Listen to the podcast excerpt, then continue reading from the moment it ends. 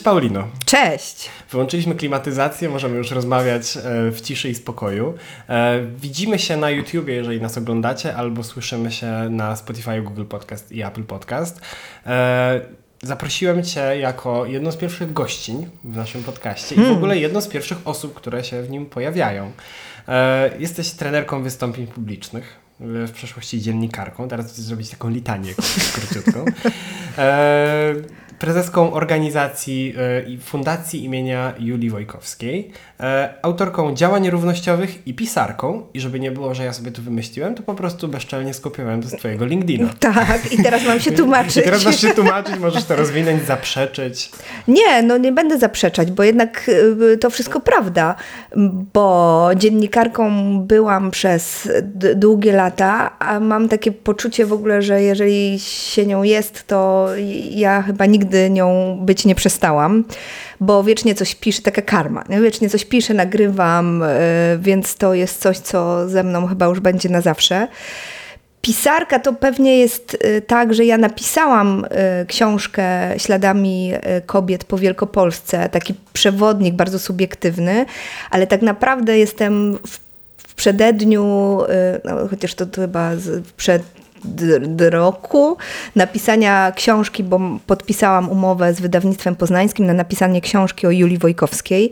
W związku z tym e, w związku z tym opowiesz zaraz, kto to był. I tak, w związku z tym o niej piszę, staram się i jestem w trakcie. Jestem trenerką wystąpień publicznych, bo bardzo mi zależy na tym, abyśmy się wreszcie tego nauczyli bo jak w bardzo niewielu szkołach w Europie i chyba na świecie nie mamy takiego przedmiotu, a wystąpienia publiczne są czymś, mam wrażenie, niezbędnym w dzisiejszym świecie. Y, I bardzo często i chyba najczęściej pracuję z kobietami i dziewczynami, aby je tego uczyć. I co tam jeszcze wymieniłeś? E, I autorka działań równościowych. Tak, i, i, i, prowadzimy w Fundacji imienia Julii Wojkowskiej, ale też w drugiej fundacji Muzeum Historii Kobiet bardzo dużo działań równościowych włączających, wspierających kobiety i dziewczyny, ale coraz częściej również chłopców. Yy, I, i, i, i, tak. I, I, tak. I tak. Yy, do Muzeum Historii Kobiet przejdziemy, natomiast yy, może, może zaczynając, zaczynając od początku, żeby popełnić błąd językowy od razu. Kim była Julia Wojkowska i dlaczego założyłaś fundację imienia akurat, imienia akurat jej imienia? Julia Wojkowska to była ja mam takie poczucie i pewnie się dużo osób ze mną nie zgodzi, ale jednak mimo wszystko, że jedna z pierwszych emancypantek e, w Polsce, nie tylko w Poznaniu, bo była to dziewczyna, która w pierwszej połowie XIX wieku miała poglądy, które teraz by były uznawane, mam wrażenie, 200 lat potem za wywrotowe i przełomowe, bo ona chciała równości rozumianej jako równość klasową Jest, również. Strasznie. To po prostu nieprawdopodobne. E, I, I uważała, że mm, niepodległa Polska nie może być równa i sprawiedliwa, jeżeli będą ją tworzyły tylko klasy uprzywilejowane co w XIX wieku, a przynajmniej na jego początku, było po prostu totalnie wywrotowym Polska pomysłem. ma być równa pod warunkiem, że jesteś białym, heteroseksualnym mężczyzną. Of course, Oczywiście tak, wierzącym Tak, tak jest. Boga. I, i, I dlatego ona kompletnie wywracała w ogóle na, na drugą stronę to wszystko, co w Poznaniu było uważane jako świętość. Z jednej strony w pruskim jednak wtedy no mieście. Tak, Ordnungu. Tak jest, bardzo mieszczańskim, w którym no, takie pomysły jak na przykład założenie pensji dla dziewczyn, w której by były te dziewczyny uczone innych rzeczy niż tresowanie je do bycia taką Pranie, szczekającą po francusku lalą salonową, to w ogóle się mieszczankom i mieszczanom nie mieściło w głowach. Poza tym ona jeszcze na dodatek e, żyła z mężczyzną i nie wszyscy wierzyli, że e, są małżeństwem, bo oni nie chcieli pokazać w ogóle dowodu na to, że tym małżeństwem są, czyli z Antonim Wojkowskim, który był redaktorem i też bardzo ciekawą postacią. A jak wiemy, bez zatwierdzenia przez księdza miłości nie ma. Nie ma miłości, w ogóle wszystko się, nie liczy i, i, i generalnie ona była traktowana przez większą część mieszczaństwa poznańskiego e, jako kobieta, która porobi z dziewczyn, które by czasami do tej jej pensji trafiły totalne wariatki. Na dodatek jeszcze ubierała się inaczej niż wtedy było to e, uznawane, że tak powinny się ubierać kobiety, tylko ściśnięte gorsetami z tymi falbankami, koronkami i tak dalej. Ona chodziła w czarnych kieckach, nosiła konfederatkę, czyli czapkę z daszkiem, no i generalnie jeszcze na dodatek Konfederatkę, podobno... która wtedy była symbolem emancypacji, tak nie jest. z dzisiejszą. Tak jest i na dodatek jeszcze paliła podobno cygara i siadała po turecku i publicznie całowała tego męża, który nie wiadomo czy był mężem, no więc była straszną, straszną wywrotowczynią. No i pomyślałam sobie, że, że ona by była świetną patronką fundacji, która jest w założeniu trochę wywrotowa, no bo to, o co walczyła Wojkowska, jakby niestety jest ciągle aktualne. No tak.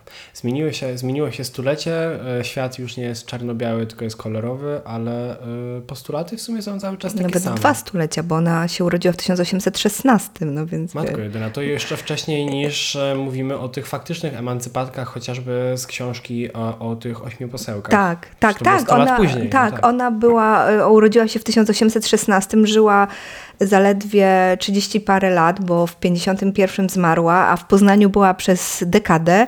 No i tak, tak wywróciła po prostu do góry nogami trochę i, i, i dała taki, myślę, no impuls kolejnym kobietom do tego, aby, aby zmieniać tę rzeczywistość. Okej, okay. i rozumiem, że po prostu idziesz jej e, śladami. Jesteś, wy, jesteś wywrotową, e, wywrotowczynią. Nie, ja się nie czuję jako, jako ktoś wywrotowy, absolutnie. Ja raczej uważam, to że... To komplement, żeby nie było. To, bardzo dziękuję, natomiast... Ja nie wiem, czy wywrotowość, ja po prostu jakoś mi się nie podoba to, co, mhm. co, co jest. Jeżeli to można uznać za wywrotowość, to pewnie tak. Natomiast no, ja, no, nie podoba mi się ta rzeczywistość, w której żyjemy. I, i, I tak nie umiem przejść obok tego obojętnie i nic nie robiąc. Okej, okay. i dlatego założyłaś fundację, która e, trenuje kobiety, wspiera je, tak, w tym, żeby zabierały bardziej głos publicznie, bo o ile, tak jak powiedziałaś na początku, na pewno problemem jest to, że nasze całe społeczeństwo generalnie e, jedynym doświadczeniem, ktoś to, ktoś to powiedział, teraz nie, nie pomnę, że jedynym doświadczeniem zmówienia publicznie przez 12 lat edukacji jest recytowanie wiersza na tle klasy, które jest dla wielu osób tak traumatycznym doświadczeniem, że potem żadna aktywność tak. społeczna nie jest dla nich w ogóle możliwa. Tak, to prawda, ja to bardzo widzę pracując, zresztą nie tylko z kobietami, bo, bo widzę to i po mężczyznach, i po kobietach i po osobach, które do mnie przychodzą. Natomiast jakby w tym bardzo wychodzi to, jak jesteśmy wciąż chyba tresowani do ról społecznych. I, I, o ile e, chłopcy już na początku mają z tymi wystąpieniami mniejszy problem i potem jakoś naturalnie przyjmują tą rolę lidera i tego, kto się będzie odzywał na zebraniu e, czy na konferencji będzie opowiadał, tak dziewczynki mają z tym gigantyczny problem, ponieważ do dziewczyn przyklejona jest jeszcze ta ocena zewnętrzności. A wiadomo, jak to Oczywiście. jest, że, że kobiety ocenia się po tym przede wszystkim, jak wygląda, a nie po tym, co mówi, co wie, tylko czy ma nogi szczupłe, tyłek zgrabny i w ogóle jest ładnie obstrzyżona, umalowana i tak dalej. No i dla wielu kobiet to jest nie do przejścia. To znaczy fakt bycia cały czas ocenianą i to publicznie w niewybredny bardzo sposób y, jest nie do przejścia. Ja byłem ostatnio świadkiem, znaczy świadkiem, oglądałem rozmowę jednego z czołowych dziennikarzy polskich, nie będę tutaj strzelał nazwiskiem, bo mogę coś przekręcić, to, nie, to będzie parafraza. Natomiast on rozpoczynał rozmowę z, bodajże z Anną Marią Dyner z Ośrodka Studiów Wschodnich. Po prostu jednym z największych mózgów w Polsce, jeżeli chodzi o politykę wschodnią, o, wiesz, od, od, tak. od Kaukazu przez Azję Centralną, po Rosję i tak dalej. I on rozpoczął rozmowę od, uwaga, a jest z nami dzisiaj piękna kobieta, profesor Anna Mar profesor czy doktor, w każdym razie końcówka, tak. końcówka męska, ale Anna Maria Dyner. I ja sobie tak wyobraziłem, gdyby tam siedział, nie wiem, Antoni Dudek, jakiś, czy jakiś inny profesor, czy że on by zaczął, jest z nami bardzo przystojny mężczyzna, pan profesorka. E, tak, no, no to w ogóle to jest niemożliwe do, e, do przejścia I, chyba cały czas. Nie? Jak patrzysz na feminatywy? To jest bardzo, to jest, ja, wiem, ja wiem, jak to jest szerokie, ogólne i, i, i niemożliwe do zamknięcia w formule podcastu pytanie, ale mam wrażenie, że każda osoba, z którą rozmawiam, ma, ma trochę inny powód ich używania i ma Mhm. trochę inny styl, bo to jest bardzo otwarta formuła jednak. Wiesz co, i, ja, mm, ja oczywiście używam feminatywów y, i feminatyw, feminatywów, Feminatywów, kobieczego fem- chyba. kowe- no właśnie. E, I, Ta nowomowa lewacka, widzisz, Holender. W każdym razie ja ich używam i uznaję, znaczy im, i to był jakiś y, proces, to znaczy musisz zdać sobie sprawę z tego, że bę- znaczy dać sobie przyzwolenie na to, aby ich używać, albo i pilnować tego na początku, bo to, to, to wcale nie jest naturalne, no bo my nie jesteśmy przyzwyczajeni do tego, aby ich używać, przyzwyczajone. Natomiast kiedy już zaczęłam to robić, e, no to teraz nie wyobrażam sobie i bardzo mnie razi, jak ktoś tego nie robi. E, Bardzo e, często spotykam się z tym, że kiedy na jakichś konferencjach, na przykład spotkaniach mówię gronu różnemu, właśnie burmistrzynie, wójtynie i tak dalej, to widzę, jak panowie najczęściej po prostu patrzą na mnie, łapią się za głowy się i traktują, Boże, zieloni, tak, potem- co to za baba tu przyszła i używa tych słów, które przecież nie istnieją. Więc, ym, więc tak, to jest bardzo czasami zabawne, gdyby nie to, że jest bardzo smutne. Natomiast ja widzę też ostatnio wpis mojej koleżanki, y, która napisała, że jej syn powiedział do niej kapitanka przy zabawie, a ona mówi, a ja feminatywów nie używam. I w ogóle to było mega ciekawe, bo dla mnie to znaczy, że dla dzieci jest to jest coś tak naturalnego, że jest i kapitan, i kapitanka, i poseł, i posłanka, i prezydent, i prezydentka, że jakby to, to, to, już, się, to, to już jest po- prostu element ich języka. Natomiast my robimy z tego wciąż wielkie halo i Wracając do czasów Wojkowskiej, chociaż krzywimy. oczywiście trochę później, e, przecież w Konstytucji Marcowej, która nadaje e, prawa wyborcze e, kobietom, e, jest e, obywatel i obywatelka. Tak, no to nie jest nic dziwnego, prawda? I, i nigdy... i- Ja znalazłem ciekawy wytrych, e, Tak. który po pierwsze e, obskakuje, i to powiem to wprost, niewygodę językową. Mhm. Bo kiedy, e, na pewno wiesz jako też osoba, która tworzy dużo tekstów, że kiedy tworzysz tekst i w jednym zdaniu trzy razy użyjesz nauczyciel, nauczycielka, Tak. pedagog, pedagogzka, to, to, to nie jest zwięzłe i to jest o, oczywiście zarzut, który się pojawia zawsze.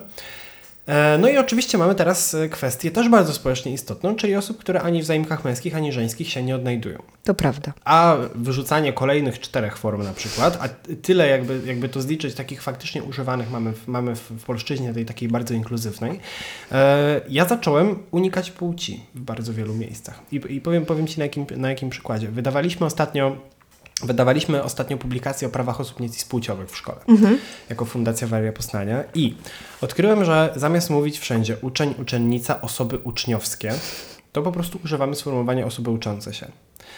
I po pierwsze, e, już tak bardzo gramatycznie zabierasz ten, e, tą końcówkę skie, Tak. która jest taka bardzo określająca i to jest ten sam zabieg, który mówimy, jak mówimy o osobie z doświadczeniem uchodźczym zamiast uchodźcy i uchodźczyni. Tak. Po drugie, jak stary dziad, e, dziaders, może żeby nie było zaraz, że nas o ageism posądzą, chociaż tak już nas o wszystko posądzą po tej rozmowie. Trudno, niech robią, E, niech, sądzą. Niech, niech, niech palą na stosie. E, oczywiście od razu masz zarzut, że to jest nowomowa, ale jak, uży, jak używasz słowa e, uczniowskie. Natomiast jak używasz sformułowania osoby uczące się, no one się uczą. Tak. I Jest to, jest to ich cecha. I zacząłem, zacząłem tego wytrychu używać, po pierwsze dlatego, że to wygląda naturalniej dla osób, i tu był cudzysłów zrobiony dla tych, którzy słuchają w serwisach podcastowych, e, dla tych, z którymi musimy jakby polemizować. E, i, I wydaje mi się, że jest to od razu e, uwzględnienie tych osób, które się w tych dwóch formach nie odnajdują, nie? To prawda, to prawda. Natomiast myślę, że po pierwsze nie zawsze uda się takiego wytrychu użyć po prostu z przyczyn y, no, różnych, chociażby właśnie gramatycznych, stylistycznych, językowych. Wczoraj byłam na bardzo ciekawym filmie a propos właśnie inkluzywności i włączenia. Y, Film opowiadał o zmaganiach Holenderskiego Muzeum Sztuki Nowoczesnej z byciem nowoczesną, inkluzywną i włączającą jednostką edukacyjną i kulturalną. I to, z jakim, przepraszam, odchrząknę, ale nieznacząco, ale z uwagi na moją alergię, ale to, z jakim y, trudem i y, wysiłkiem również intelektualnym e, wiąże się również dla osób, które wydawałoby się są osobami związanymi z kulturą, ze sztuką, z włączeniem, z inkluzywnością i tak. Z jakim trudem wiąże się stworzenie na nowo, wymyślenie na nowo chociażby wystawy stałej w muzeum, łącznie z tym, że wiesz, że przychodzi nam się zastanawiać nad tym, w Polsce na przykład, czy na, Anna Bogdanowicz-Bilińska, autorka obrazu, który jest zatytułowany Murzynka, teraz by się obraziła, jakbyśmy ten tytuł obrazu zmienili, bo on jest, wiesz, już teraz nie bardzo korekt. Nie? Mhm. I, I dla mnie to jest wielka dyskusja na temat tego, tak samo jak z lekturami, no nie? Czy, czy, czy, czy Sienkiewicza Sienkiewicz, wyciąć tak po dalej. prostu do cna, czy też nie. No on jest znakiem swoich czasów. Trudno wygumkować to wszystko i udawać, że w ogóle tak nie było. No więc to jest taki proces mega edukacyjny i mega też y, kontekstowy. Musimy się nauczyć trochę bardziej kontekstowo podchodzić do rzeczywistości, bo inaczej nie zrozumiemy zmian, które zachodzą, mam wrażenie, i nie damy sobie na nie przyzwolenia. No bo mamy historię bardzo bogatą i języka i przejdziemy płynnie. Skoro użyłem słowa historia, widzisz jakiego bardzo, bardzo finezyjnego zabiegu użyłem w tym momencie, do e, drugiej fundacji, w której e, jesteś ja bardzo lubię używać takiego sformułowania. Wczoraj z kolei byłem w scenie roboczej na fantastycznym spektaklu, e, na którym bardzo często było używane słowo plenum. I, i, plenum. I sobie zaplanowałem, że teraz zamiast się zastanawiać, czy ktoś jest gdzieś w zarządzie, czy ktoś jest gdzieś w radzie, powiem, że ktoś jest w plenum. Bardzo pięknie. Więc jesteś w plenum, e, w plenum drugiej fundacji, Fundacji Muzeum Historii Kobiet. Tak. Co wyście znowu wymyśliły? I kto, i kto to wymyślił? Wiesz co, to się zaczęło od tego, że um, zaczęłyśmy się spotykać w głębokiej pandemii, kiedy tak naprawdę nie można się było spotykać w żaden inny sposób. Um, razem z dwiema profesorkami, czyli e, Iwoną Chmurą-Rutkowską e, i Edytą Głowacką-Sobiech, razem z Agnieszką Jankowiak-Majik i jej siostrą Anią Jankowiak razem z Anią Kowalczyk, która napisała brakującą połowę dziejów, po prostu same wiedźmy.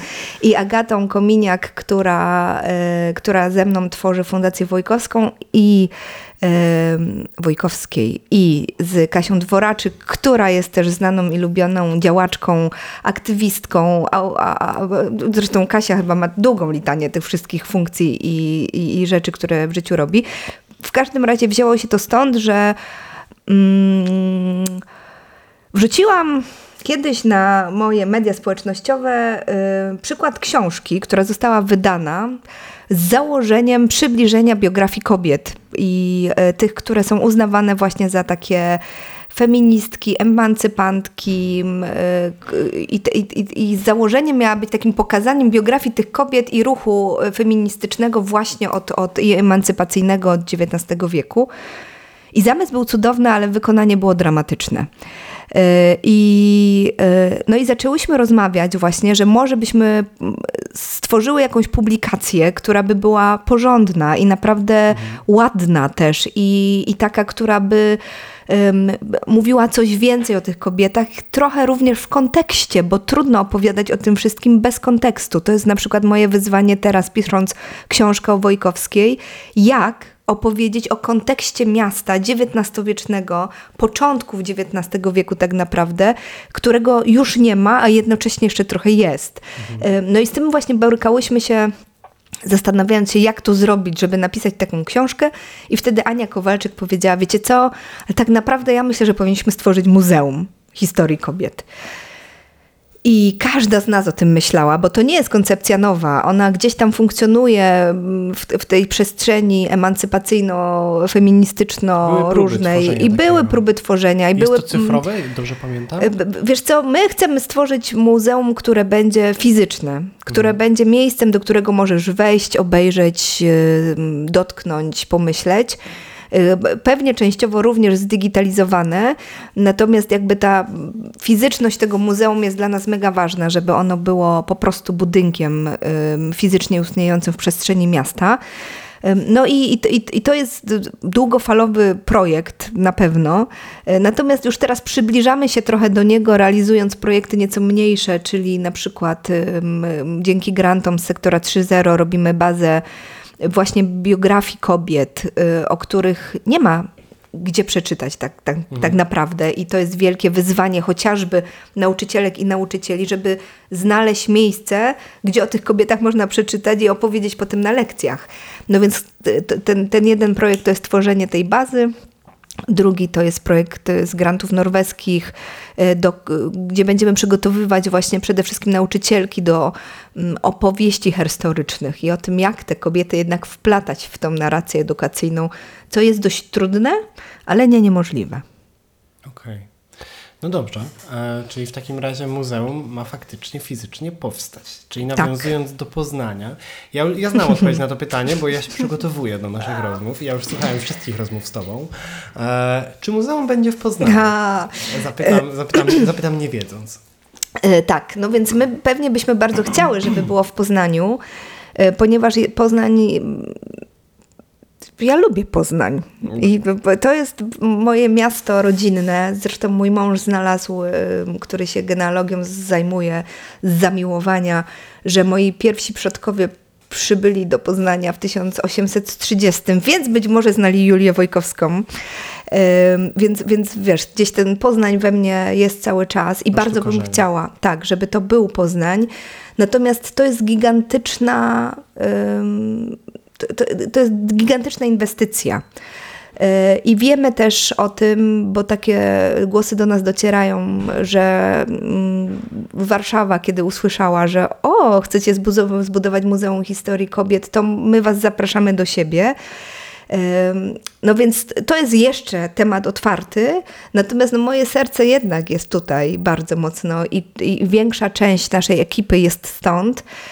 No ale jak to się rozstrzygnie, to jeszcze nie wiem, bo nie ma, wiesz, kamienia węgielnego, nie ma tego pomysłu. Znaczy pomysłów trochę jest, gdzie by to mogło być, ale jeszcze ta kropka ja na wiem, końcu. to mogło być.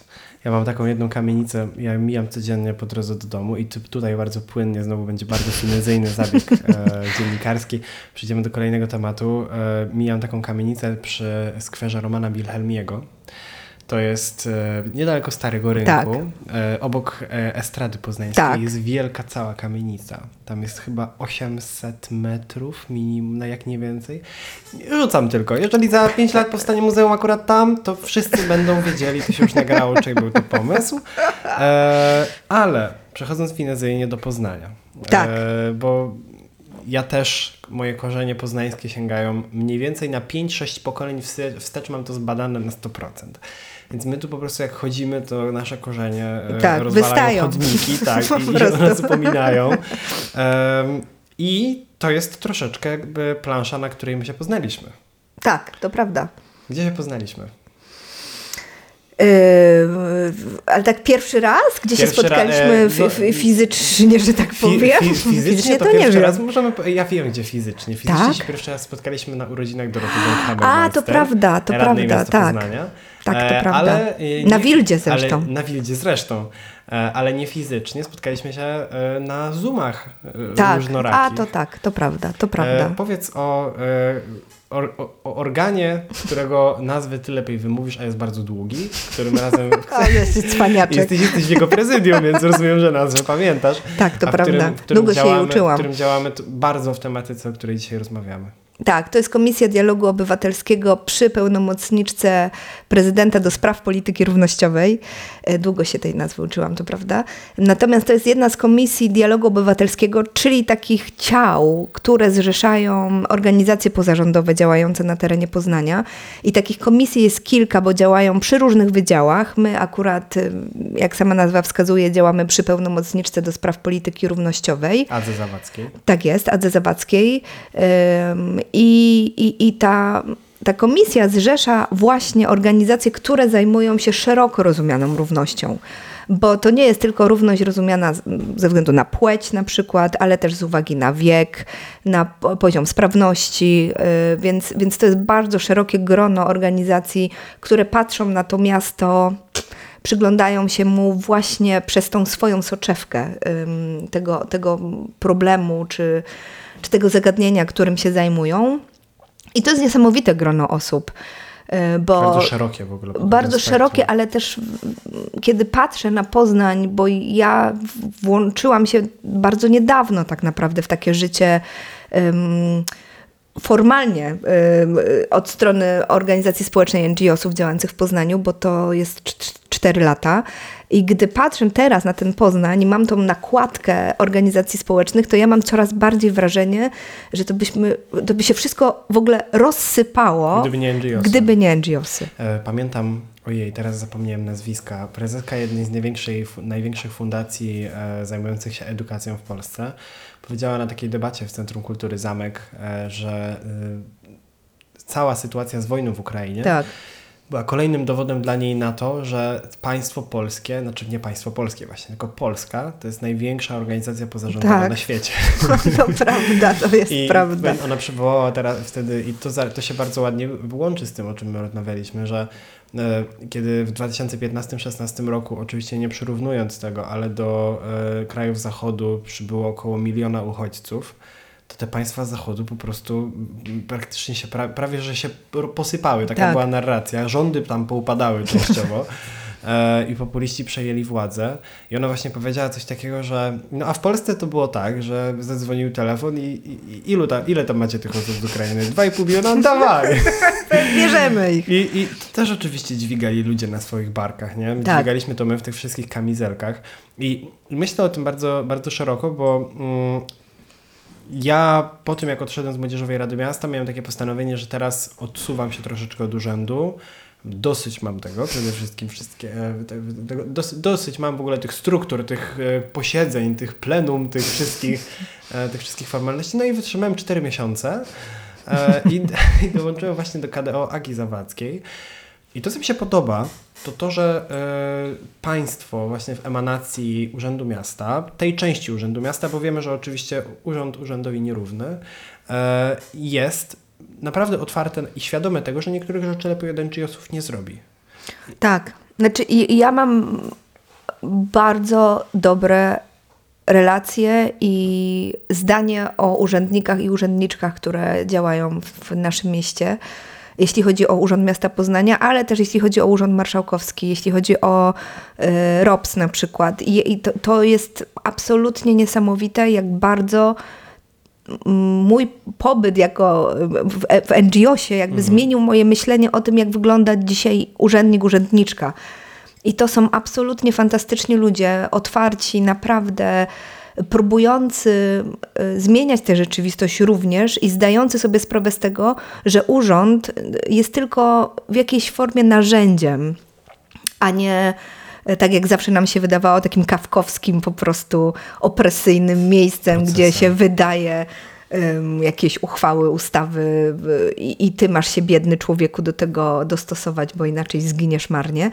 Tylko, że Urząd Miasta Poznania stał się bardzo otwartym miejscem e, i bardzo otwartym na dialog też. I to widać w Komisji Dialogu Obywatelskiego, które ja przyszłam do komisji, kiedy jeszcze Stella Gołębiewska była pełnomocniczką i ta otwartość już była wtedy dla mnie czymś niesamowitym. To znaczy, to, jaką atmosferę stworzyły dziewczyny, bo to przede wszystkim dziewczyny, są kobiety, tak. Y, to, to, to jest coś niesamowitego i myślę, że to jest wielka siła też Poznania, y, bo tak nie jest w każdym mieście i słuchając opowieści ludzi z innych miast, ja mam szeroko otwarte oczy, mhm. kiedy opowiadają mi o tym, jak bardzo trudno jest coś zrobić w ich mieście, bo urząd na to nie pozwala, albo przypisuje sobie, albo jeszcze coś tam, a u nas po prostu jest zupełnie inaczej, więc pod tym względem jestem pełna naprawdę takiego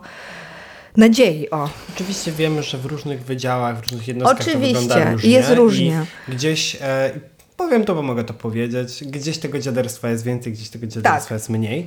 E, troszeczkę puentując. Naszą rozmowę. E, wydaje mi się, zrobimy to teraz samozwańczo, ale myślę, że nikt nie będzie na nas zły. E, zapowiemy, co się będzie działo we wrześniu. Tak już bardzo wstępnie, koncepcyjnie. Na pewno osoby nas słuchające e, na pewno wiedzą. Muszą to wiedzieć, teraz już będą wiedzieć. W poprzednich latach w Poznaniu odbywał się Poznański Tydzień Tolerancji, Tak. ale jako, że to słowo no z równością to ma niewiele wspólnego i raczej tolerować to myślę, że można nie- nieprzyjemny zapach w samochodzie, jak się nim jedzie, czy w tramwaju. E, Choć z trudem. choć z trudem, no właśnie, e, udało się e, po pierwsze w ciężkiej sytuacji budżetowej, a po drugie pójść naprzód ideowo. We wrześniu, e, od 18 do 24 e, września, myślę, że możemy już wstępnie zaprosić na Poznański Tydzień Równości. Tak, tak. To, to, to bardzo ładnie się wiąże z tym, że oprócz tego, że to będzie takie, myślę, działania, wydarzenia otwarte dla, dla mieszkańców mieszkanek i pokazujące to, co jest wielką siłą Poznania, mam wrażenie teraz. Ta otwartość właśnie i i równość. I, I jeśli byś mi się spytał o to, jakiego miasta bym chciała, to właśnie, właśnie takiego. To z drugiej strony myślę, że też wrzesień będzie takim momentem, w którym e, mam nadzieję, że zostanie uchwalona polityka czy strategia miasta m, właśnie dotycząca równości. W związku z tym no, to będzie taki czas, kiedy e, kiedy tę równość będziemy mogli naprawdę świętować i, i, i zapowiada się mega ciekawie, chociaż nie wiem, czy już możemy opowiadać o jakichś szczegółach, O czy szczegółach jeszcze nie powiedzmy. powiemy, ale powiemy, że będzie to bardzo nastawione na zrobienie tego przez NGOsy i to Tak. jest fantastyczna rzecz i to, to, będzie te, to będzie troszeczkę puenta, e, bo słuchacie nas nadających z Kolegium Altum, a to był Glanc, czyli podcast o Poznaniu od każdej strony. Rozmawialiśmy dzisiaj z e, Pauliną Kiruszkę. E, Podcast poprowadziłem niezmiennie ja, Kacper Nowicki. Naszym producentem był Kacper Kazimierczak. Słuchać możecie nas na Spotify, Apple Podcast, Google Podcast i oglądać na YouTubie. A Glance to podcast w pełni niezależny. Jeżeli spodobał się Wam ten odcinek, zachęcam do wsparcia go symboliczną wirtualną kawą w serwisie Buy Coffee. Paulino, bardzo Tobie dziękuję. Bardzo dziękuję.